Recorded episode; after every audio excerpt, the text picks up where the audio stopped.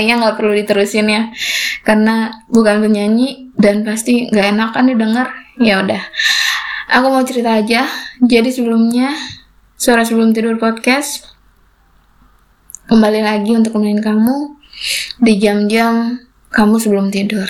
Jam berapapun itu mau siang pagi sore malam. Dengan alasan apa pun aku mau jadi teman kamu sebelum kamu tidur. So, uh, terima kasih untuk udah mau dengerin, udah mau jadiin aku temen mengantar kalian semua, mengantar kamu ke mimpi yang di mana itu adalah momen-momen kita menemukan ketenangan dan kebahagiaan versi kita. Kadang gitu kan ya, ketika udah apa ya namanya? Udah mumet banget udah udah bingung dengan bahasa apa kita harus ngomong dengan cara seperti apa kita menenangkan diri. Kayaknya tidur adalah satu-satunya cara yang kita bisa sejenak untuk hilang ingatan dari semua masalah yang ada. Nggak hilang masalahnya nggak jadi selesai juga. Cuman itu treatment terbaik di mana ketika udah di ujung tanduk semuanya amarah nangis dan segala macam kayaknya tidur adalah waktu di mana yang paling tepat untuk kita bisa tenangin diri sejenak aja. Lupain semua masalah. Yang ada cuman gelap kan dan itu momen-momen di mana aku pribadi juga tahu rasanya sebentar untuk nafas yang padahal sebelum tidur. Kadang kita suka mikir ya ya udah deh aku tidur. Dan semoga nggak bangun lagi. Biar masalahnya selesai hidupnya juga. Kayak capek banget ya kita nggak bisa salahin siapa pun. Bahkan nggak bisa salahin diri sendiri. Kayaknya emang benar. Makin ke sini bumi itu bukan kekurangan orang baik. Atau semakin jahatnya orang jahat. Tapi karena memang dituntut untuk menyuguhkan yang baik sedikit dan makin malesnya orang baik untuk membuat kebaikan karena hmm, ada banyak orang yang nggak tahu hal yang kita lakukan itu baik. Iya, karena memang kita nggak bisa rubah pola pikir, rubah karakter seseorang. Jadi ya udah, kalau memang dikasih nafas lagi, bangun tidur dikasih nafas, berarti masih belum cukup sabarnya. Gitu. uh, tadi lagu pembukanya itu tentang judul lagu yang terbaik untukmu dari Ada Band dan Gita Gutawa. Sebenarnya lagi nggak kangen sama orang tua sih. Jadi lebih tepatnya karena udah hmm, 10 bulan merantau, waktu yang cukup sebentar, masih sebentar. Karena 10 bulan merantau, jadi udah ketemu rasanya capek merindu ya. Kayak ya udah udah terbiasa, oh iya, aku lagi merantau gitu tapi nggak tahu kenapa terbesit di pikiran aku untuk um, jamming ya jamming jammingan lah. Nggak untuk dipublish. Dan lagu ini bikin aku dipaksa rindu sama papaku. Mau nangis. Ya uh, liriknya bikin aku rindu sama papaku sekarang.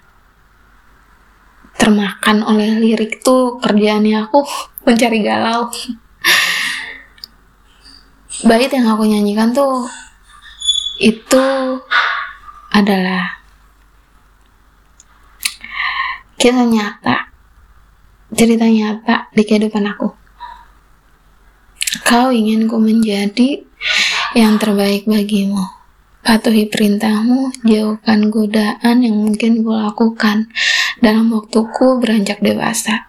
Jangan sampai membuat aku terbelenggu, jatuh, dan terinjak. uh, kenapa tiba-tiba nangis? Enggak, aku masih tahan kok. Aku ingat, waktu aku kecil, aduh, bapakku tuh selalu bilang kayak gini. Jaga diri, jangan pacaran dulu, nanti konsentrasi sekolahnya hilang. Dan banyak banget didikan dia yang uh, belajar yang baik. Biar bisa jadi ini biar bisa itu. Biar jangan nanti direndahin sama suamimu. Jangan jangan sampai kamu mati karena kenyataan dunia yang semakin jahat. Dan ya di dewasa ini jadi ngerti aja gitu kenapa papaku dulu selalu ingetin aku sama hal-hal kayak gitu. Iya waktu kecil aku nggak tahu bahwa orang tua punya pengalaman yang lebih besar, lebih dulu dibanding aku di waktu kecil. Aku di waktu kecil cuma tahu orang tua bisanya ngatur dan bisanya cuman ingin anaknya meneruskan cita-cita dia yang gak pernah dia wujudkan. Tapi di dewasa ini, aku ngerti. Papaku ingin aku tuh nggak mati tenggelam di dunia ini. Aku tuh bisa fighting. Di yang sekarang ini yang di mana cari kerja semakin sulit pertemanan banyak yang nyakitin. Gak ada satupun yang bisa dipercaya. Yang di mana saudara sendiri pun gak bisa bantu apa pun Saudara jadi orang lain, orang lain jadi saudara. Tapi nggak ada manusia yang bisa diandalkan selain diri sendiri. Itu mungkin yang yang papaku tahu bahwa besar nanti aku akan hidup sendiri tanpa orang tua. Karena papaku tahu dia nggak akan abadi. Jadi bapakku selalu kasih bekal dari aku kecil. Jangan sampai aku menjadi anak yang yang lemah di masa di masa dewasa ini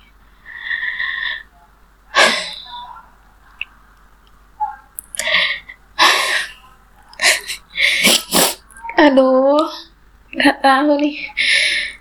Kenapa topiknya begini? Gini deh.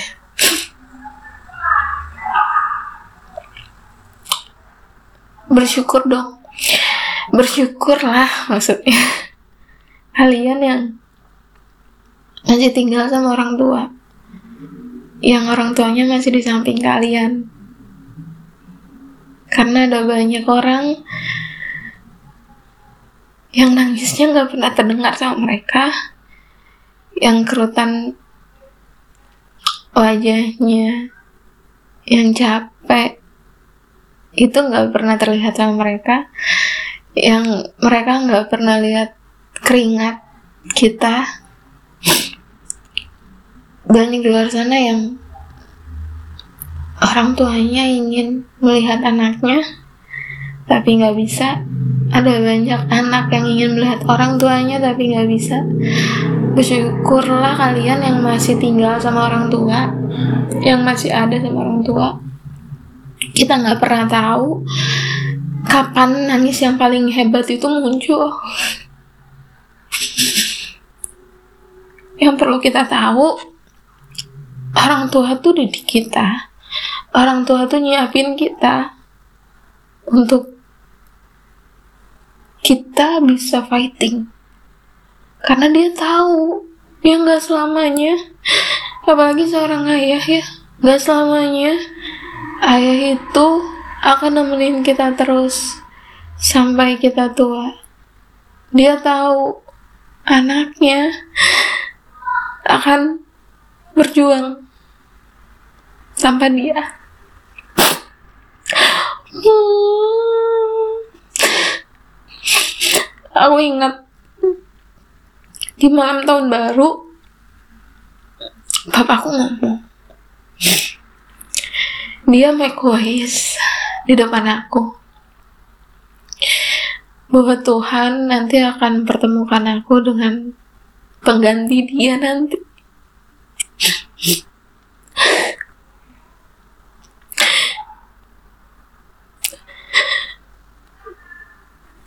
perempuan tuh princess kecilnya. Seorang ayah tahu. Aku pernah cerita sama papaku.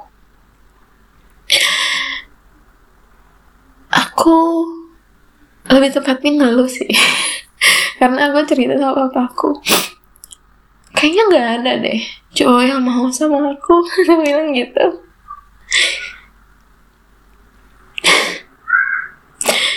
bapakku yang dulu menganggap aku umur 25 tahun adalah putri kecilnya. Ketika dia melihat umur 26 tahun aku mengeluh. Kayaknya nggak ada deh yang suka sama aku. Bapakku langsung bilang kamu kayak nggak punya Tuhan. Nanti bapak doain biar Tuhan cepat kasih.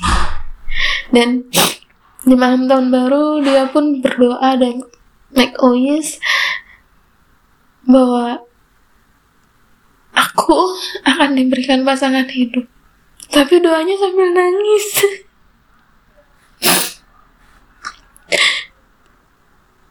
Aku lihat bapakku nangis karena harus melepas anak perempuan pertamanya dengan laki-laki penggantinya dan akan ada hal yang sama. Yang dia harus terima bahwa anak keduanya nanti juga akan punya pengganti. Laki-laki sosok laki-laki di hidup anak keduanya. Yang di mana dia pun punya rasa khawatir. Anaknya perempuan dididik dan disayangi. Apakah bisa? Yang menggantikan dia. Nggak pernah menyakiti anak perempuannya.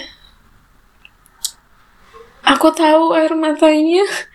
Yang doain aku. Punya punya arti yang mendalam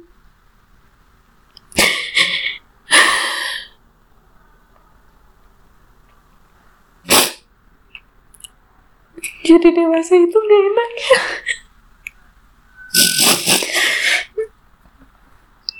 bukan cuman masalah yang semakin banyak bukan cuman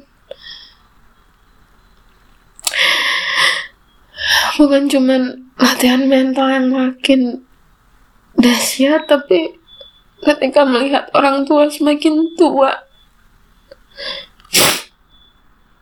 gak enak aku bingung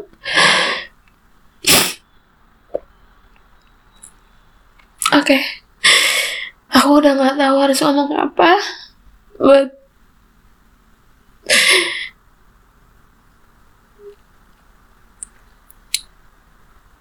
Aku ingat masa-masa kecilku